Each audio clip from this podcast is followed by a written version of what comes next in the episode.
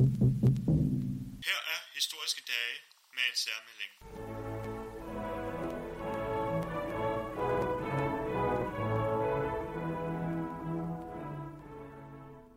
Jeg stræber mod et mål, jeg aldrig når. Et mål, der evigt flygter. Sådan omtaler Stompe sig selv i et brev, og det er nok den mest rammende beskrivelse af manden og den samtid, han levede i. For både han og tiden ville fremad. Han ville nyskabe og opnå berømmelse for enhver pris. Vi kender i dag Storm P. for hans vittige tegninger og kommentarer på samtiden. Men hvad lå egentlig til grund for de kunstneriske egenskaber? Og hvordan var tidsånden med til at forme Robert Storm Petersen? Hvor kom hans drivkraft fra? Jeg hedder Ulrik Volter, og for at få svar på spørgsmålene har jeg talt med to eksperter. Forfatteren Peter Borberg, der netop har udgivet en dybdeborende biografi om Storm P. Han er med over en af tidens helt store opfindelser, nemlig telefonen. Og den anden ekspert er museumsinspektør Jakob Torik Jensen fra Danmarks Tekniske Museum. De vil begge være at opleve på historiske dage i marts og kan svare på spørgsmål om Storm P. Allerede tidligt i Storm P's liv opstod der en passion for teknologi og opfindelser. Den passion skulle følge ham resten af livet, fortæller Peter Borberg. Hvornår begyndte Storm P's interesse for teknik? Og det sker omkring 1899, hvor han sammen med et par barndomskammerater, der laver han en klub, som hedder Onkel Sam, og, og som navnet indikerer, så er det sådan en amerikanerklub. Den dyrker sådan det nye, der kommer fra, fra, fra det her nybyggerland på den anden side af, af Atlanten, men også sådan fremskridt. Og det interessante er, at den her øh, klub, som eksisterer fra omkring 1899, det er der, den bliver stiftet, og så æbber den sådan ud omkring 1904 til den her klub, der er der for eftertiden efterladt en, øh, sådan nogle protokoller, som de her barndomskammerater, som de, øh, som de laver. Og det er nogle protokoller, som indeholder en, en hulens masse udklip, og de selv driver, og ja, altså sådan lidt en rodebutik, kan man sige. Men det interessante er, det er, at noget af det, som dukker op, når man sidder og bladrer i de der protokoller, det er blandt andet også nogle udklip, som handler om maskiner og fremskridt. Jeg vil huske, at der er blandt andet en artikel, der handler om en evighedsmaskine, og der er noget om øh, svampepærer og en artikel om øh, Edison og sådan noget. Og det vidner jo, kan man sige, om, at, at der har været på det her tidspunkt, hvor øh, Storm P har været de her 17-18 år, altså en stor dreng, som i øvrigt stod i lære på det tidspunkt i sin fars slagterforretning, at der har haft den her interesse, ikke alene for, for Amerika, men også for, øh, for det, der kom fra øh, Amerika, herunder blandt andet som nye teknologiske frembringelser. Så mit svar vil være, at ifølge kilder, så er det sådan ret præcist omkring 1899, at han sådan for alvor får den her interesse. Den unge Storm P. dannede et venskab med en af teknologihistoriens glemte helte, Alfred Nervø, og den unge Storm var helt nede i maskinrummet på Nervøs pionerflyvning. 1909 der, øh, der får Alfred Nerve den her idé, at han godt kunne tænke sig at turnere rundt i landet. Meget apropos, kan man sige, i bil, og med et foredrag, der blandt andet skal udbrede kendskabet til, øh, til, til flyvningen. Og Alfred Nerve får bestilt nogle små flymodeller øh, hjem, og med på den her tur, altså, altså har faktisk siden skrevet et ret smukt tobindsværk, hvor han blandt andet kommer ind på den her tur, et værk, der hedder 10 år bag rattet. Og der fortæller han sådan ret detaljeret om, om den her humoristisk, om den her tur rundt i landet. Hvor han har øh, Storm P med på passagersædet, og Storm P er indskrevet som øh, mekaniker, og det er nok noget af, det er nok noget af en tilsnigelse. Øh, han har nok mest af alt været med, fordi han var et godt og behageligt selskab, og de var gode venner. Men også fordi han simpelthen havde en interesse for den her øh, mekanik. Så det, det er påfaldende, at, at Storm P er med på den der tur. Så det er jo interessant, at den person, som vi i dag kender som den her store humorist, og øh, ikke mindst som kunstner, at han er med på, på allernærmeste hold. Og det bliver jo så, hvad skal man sige, fuldt op året efter den her foredragsturné i bilen. Der er øh, Storm P jo også med på allernærmeste hold, da, da Alfred Nærø laver den her flyvning, som jo er en milepæl i, i dansk flyvningshistorie, hvor han, jeg mener det er den 3. Øh, juni 1910, at der flyver han fra, fra Kløvermarken og ind over øh, København og vender og, øh, og lander igen i god behold. Og i forberedelserne op til den her tur, som, øh, som jo bliver fejret, og, og Alfred Nærlø, der modtager hyldester blandt andet fra statsministeren, og der er stor folkefest. Men i forberedelsen op til den her tur, der er Storm P. helt, helt tæt på. Igen som en eller anden form for, hvad skal vi sige, mekaniker, men nok mest alt bare som, øh, som en god kammerat til øh, Alfred Nærø. Og i, i den sammenhæng er det også interessant, at, den, at den her flyvning i sommeren 1910, da den bliver fejret, så foregår det inde hos Storm P. i hans øh, og hustruen Lydias lejlighed i Jernbanegade. Så på den måde har han været, han har været helt tæt på, altså hvis vi så nu begynder så at riste lidt op, så kan man sige, at han har været tæt på i forhold til, til øh, film, i forhold til biler og i forhold til flyvning. Det er ikke det samme som, at han har haft lad os sige, teknisk indsigt. Det er der ikke rigtig noget, der egentlig tyder på. Men han har haft en stor, stor interesse for, for de her milepæle i, i begyndelsen af, af 1900-tallet i, i teknologiens historie. Alfred Nærvø var kun en af mange af tidens piloter, og de blev behandlet som rockstjerner, fortæller Jakob Thorik Jensen. Piloterne her i starten af 1900-tallet var tidens aller, aller hotteste stjerner. Altså at være pilot var jo, de var jo, de var verdenskendte øh, noget mange børn ser op til, de her piloter. Og øh, helt i starten af den tidlige flyvning er der jo flyveopvisninger, hvor man kan komme ud og se en flyvemaskine, og det tiltrækker tusindvis af, af folk at se en. Og det er jo også helt ekstremt, at der lige pludselig flyver en mand rundt op i, øh, i himlen. Altså det er jo, øh, hvis man ikke har det, har man jo ikke set før. Så det, det må da have set helt vanvittigt ud, at der lige pludselig fløj et fly ind over København, eller ind over Aarhusbugten. Det har været virkelig et, et stærkt symbol på den teknologiske udvikling, som der er her i tiden. Den tid, som Storm P. levede i, var derfor præget af flyvninger og opfindelser. Og noget af det, som Storm skulle blive mest berømt for, var netop sine mange humoristiske, tegnede opfindelser. Så Alfred Nervis flyvning ind over København, den finder jo sted stort set samtidig med, at, at Storm P. er undskyld udtrykket, går i luften med sine opfindelser. Storm P's opfindelser er jo en, en side af hans produktion, som næsten i dag har vokset sig til et begreb. Altså hvis vi siger om noget i dag, at det er et Storm P-system, så er det, hvis man har udviklet et system, som er mere indviklet, end det, be, end det behøver at være. Altså man kan sige, Storm P's første opfindelse, den er fra maj 1910, og den hedder citronpresseren, og den består blandt andet af, af to elefanter og en dampmaskine. Og, og så man kan sige, at han, som P. han lavede opfindelser, hvor han leverede maksimale løsninger til minimale øh, problemer. Og øh, det er der mange siden, der har udlagt som en, at det var en, hvad skal vi sige, en kritik af teknologiens frembringelser. Altså lidt i stil af Charlie Chaplin. Jeg tror stadigvæk, der er rigtig mange, der kender hans film Moderne Tider fra 1936, hvor Chaplin bliver trukket ind i, i maskinerne, og nærmest kommer til at gå i et med maskinerne. Det blev jo set som sådan en, kritik over industrialismens fremmarsch og forkfabrikkernes samlebånd og sådan noget. Og Storm P. er nogle gange blevet taget til indtægt for lidt af det samme. At når han laver de her opfindelser, hvor han gør grin med, med, med maskinen ved at udvikle, øh, altså lave fuldstændig overdimensionerede løsninger, at så er det en kritik af, af teknologien. Men der er min pointe, at det er det ikke kun. Altså det afspejler også en fascination af teknologien. Jævnt for det, jeg sagde lige før, så er det fuldstændig hævet over en der tvivl, at Stan P. havde den der fascination, især i sine yngre år, om hvad der egentlig, hvad der egentlig foregik. Kører vi den endnu længere frem, så var han jo også helt tæt på, da der blev lavet de allerførste forsøg med talefilm herhjemme. Jeg mener, det er omkring 1923, øh, det er omkring 24 måske. Der er han jo med i et, øh, i et forsøg, hvor man forsøger sig med ja, tale- eller tonefilm, som det, som det blev kaldt. Og han er også med på sine ældre dage, da man første gang i radiohuset øh, præsenterer fjernsynet. Der har, der har virkelig været nogle milepæle sådan i teknologiens historie op igennem 1900-tallet, hvor Storm P. Ja, har, været, har været tæt på hver eneste gang. Så han var ikke kun en kritiker af teknologiens fremskridt. Han var også dybt fascineret af, af teknologien.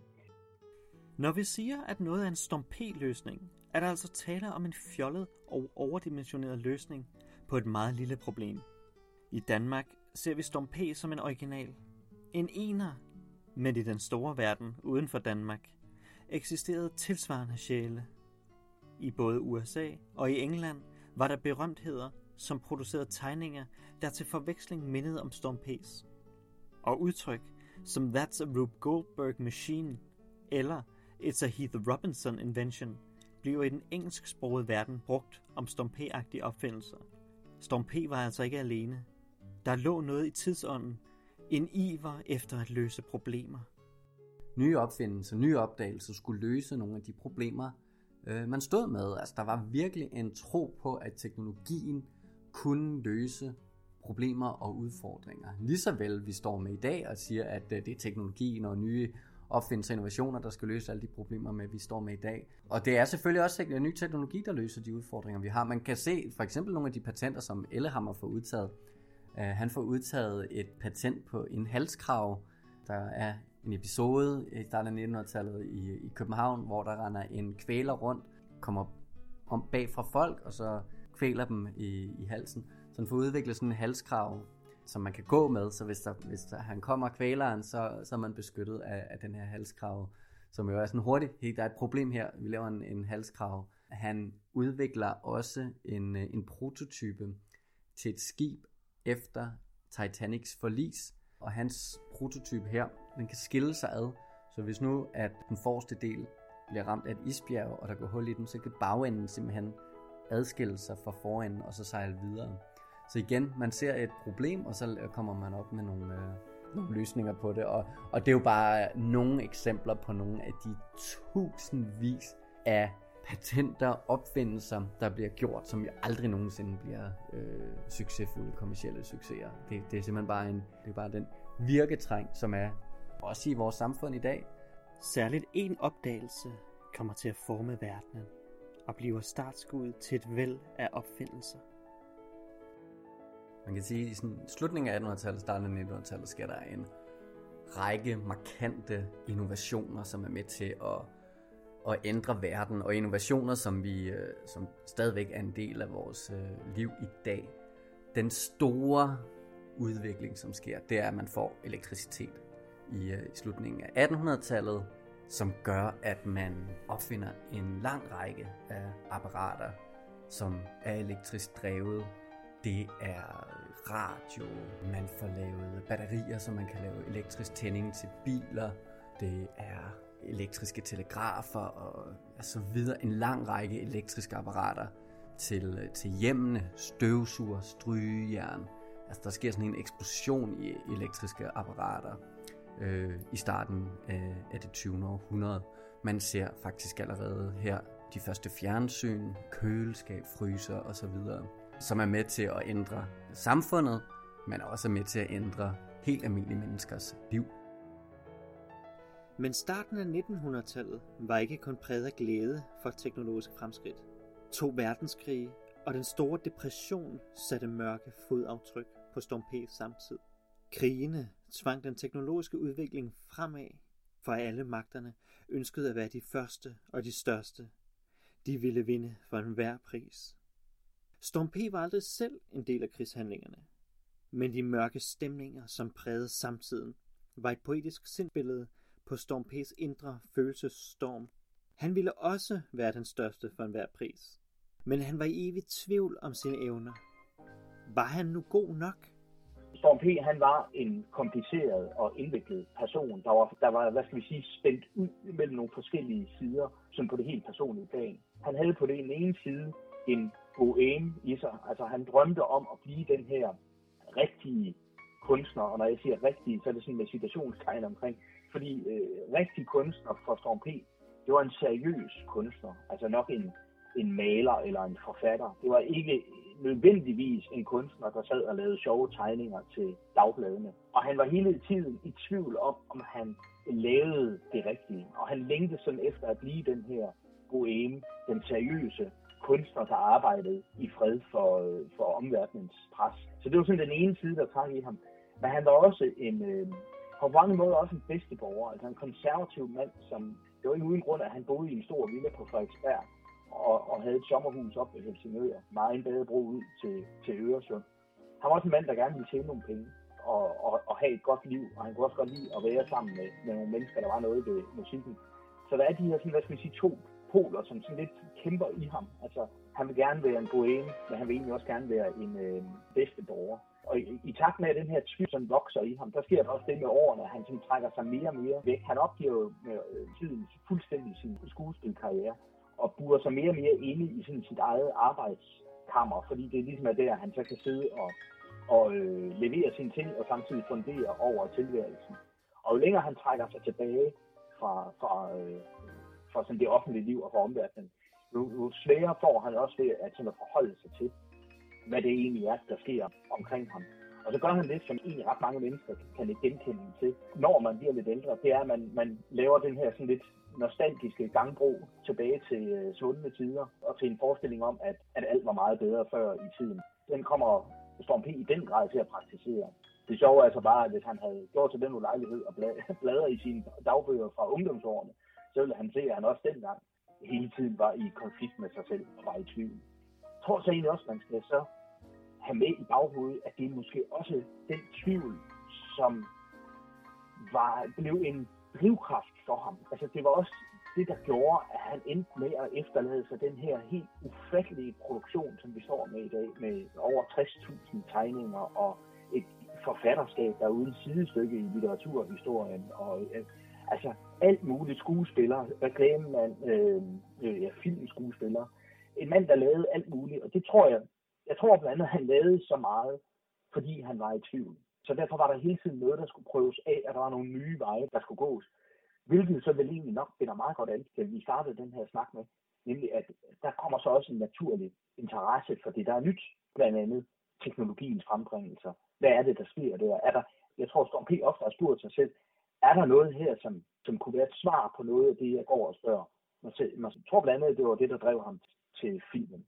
Og da han rejser til Amerika i 1919, så er der også noget, der tyder på, at han gjorde sig nogle forhåbninger om, måske at komme til at lave tegnefilm, eller måske komme ind til filmen i øh, USA.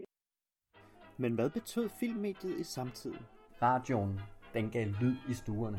Filmen gav lige pludselig levende billeder på noget, man tidligere kun havde kunne se ved hjælp af fotografier. Men nu kunne du se levende billeder af begivenheder, der skete rundt omkring. Men, øh, men filmene blev især også udbredt som, øh, som underholdning øh, i forbindelse med, med spillefilm, som er en helt ny underholdningsgenre, som, øh, som tager form her i, i starten af 1900-tallet. Og igen på få år bliver biograferne udbredt til utrolig mange byer i, i Danmark. Og man kan sige, biografernes store succes, tror jeg, skyldes det levende billedes todelte formål, at der er både underholdning, som man ser med spillefilm, men i høj grad også, at nyheder fra verden, i stedet for at læse om det i avisen, hvor der måske, hvis man er heldig, er et, et fotografi til, så kan du nu se, se levende billeder fra nogle af de store begivenheder, som der sker rundt omkring i verden. Igen besættelsen, at man har, man har ugerevyer, hvor man kan følge med i krigens gang. Men også i, i, i årene efter besættelsen er der jo et storhedstid inden for, for danske spillefilm, og det er ikke unormalt, at en dansk spillefilm trækker 1 million, 2 millioner solgte billetter, og det er jo nogle tal, der er helt astronomiske i forhold til salgstal for, for danske film i dag. Og det er jo virkelig et, et bevis på, at filmen og filmmediet var en teknologi, som havde en rigtig, rigtig stor tiltrækningskraft blandt rigtig mange forskellige mennesker, og den var demokratisk i forhold til, at, at det var øh, relativt billigt at gå ind og se en film, for eksempel søndag eftermiddag. Storm P. ville gerne være berømt. Han ville gerne nå i mål som den berømte gigant. Det hører også med til historien om Storm P. Han var meget, meget forfængelig mand. Så han ville gerne beundre han ville gerne fætere os. Og i sine unge år, der, var han, øh, der havde han en stor drøm om at blive berømt. Altså han ville gerne have, at folk vidste, hvem han var. Og han blev virkelig berømt.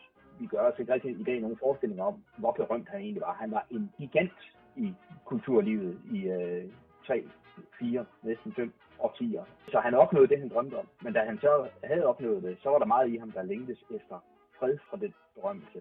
Så han var også en lidt øh, sky og en lidt øh, tilbageholdende mand. Og, og frem for alt, så ville han jo han ville gerne værdsættes for det rigtige. Det hører også med til at være perfekt. Det er jo fint nok at være kendt, men hvis ikke det er det rigtige, man er kendt for, der kunne han godt være i tvivl. Han ville gerne anerkendes som stor, seriøs kunstner. Og, og, og jeg vil for egen, egen regning indskyde, og det mener jeg egentlig også, at han blev anerkendt for, fordi de fleste i dag vil sige, også dengang, her har vi en stor kunstner. Det var også tit den udlægning, som pressen kom med, at, at han var en, en stor, stor kunstner. Men problemet for Som P. var, at det var det forkerte godsøjne, de hæftede sig ved, når man hyldede ham. han havde svært ved at tro på, at Peter og Penge, eller de tre små mænd og nøvermanden, at det var stor kunst. Storm P. er på mange måder et sindbillede på en tid. Han søgte hele tiden mod et mål, som flygtede. Et mål, han måske følte, at han aldrig nåede. Han var en mand i rivende og konstant udvikling. Han var et produkt af en tid, der aldrig stod stille, og hvor teknologien konstant flyttede grænserne for mulighedernes land. Du vil kunne høre mere om Storm P til historiske dage søndag den 11. marts kl. 16.10 med Storm P på vingerne, hvor forfatteren Peter Borberg bliver interviewet af museumsinspektør Jakob Torek Jensen.